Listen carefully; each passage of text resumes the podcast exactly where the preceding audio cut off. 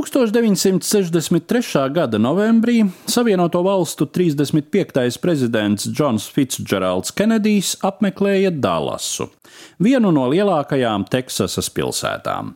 22. novembra dienas vidū prezidenta kortešs pa Main Streetu tuvojās Dīli ielaukumam. Visā kustības maršrutā bija izvietojušies pilsētnieki. Daudziem līdzi bija fotoaparāti un amatieru kinokameras. Profesionāļus no telekanāliem gan nemanīja. Viņiem šis ceļa posms šķita neinteresants, un tie gaidīja Kenediju piebraucam pie Dallasas tirdzniecības centra. Tieši pirms 12.30 pēc vietējā laika.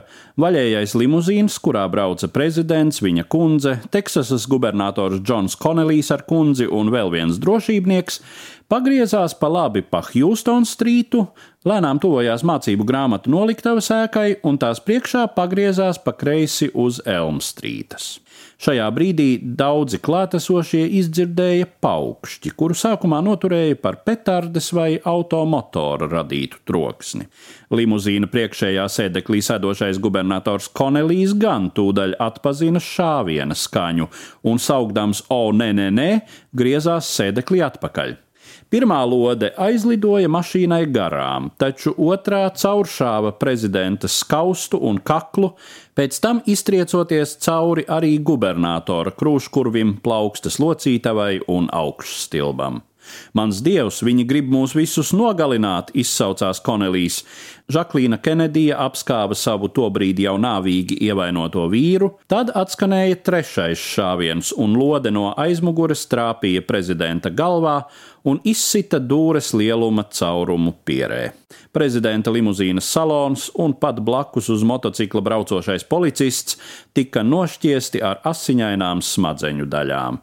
Džons Fitzgeralds Kenedijs bija miris.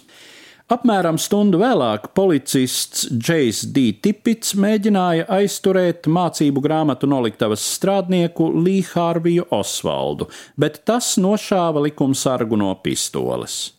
Drīz pēc tam Osvaldu aizturēja un jau tajā pašā vakarā apsūdzēja ne tikai minētā policista, bet arī prezidenta Kenedija slepkavībā.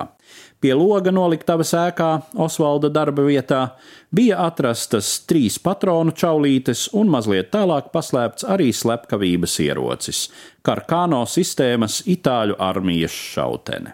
Prezidenta Kenedija slepkavību izmeklēja īpaša komisija, kura secināja, ka slepkava ir Osvalds, kurš darbojies viens un uz savu galvu. Tobrīd 24 gadus vecais vīrietis ideāli atbilda psihiski nelīdzsvarota slepkavas vienpatņa lomai. 17 gadu vecumā iestājies amerikāņu jūras kainiekos, sodīts par neatļautu šaudīšanos un kautiņu ar seržantu, 19 gados izstājies no dienesta un izbraucis uz Padomju Savienību, kur atteicies no amerikāņu pilsonības un pieprasījis uzturēšanās atļauju. Padomju valdība sākumā atteikusi, bet Osvalds imitējis pašnāvību, griežot vēnas, galu galā viņam ļauts dzīvot Minskā un strādāt pie virpas rūpnīcā Garizont, piešķirts pilnībā iekārtots dzīvoklis jaunus celtā namā un laba alga.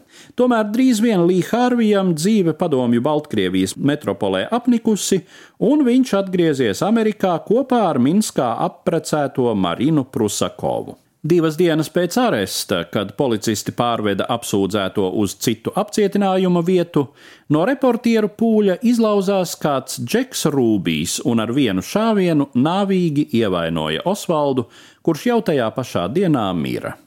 Rūbijs skaidroja, ka gribējis atriept prezidentu, bet vēlāk apgalvoja, ka rīkojies mirkļa impulsa vadīts. Kenedijas slepkavības sakarā ir sevišķi daudz sazvērestības teoriju.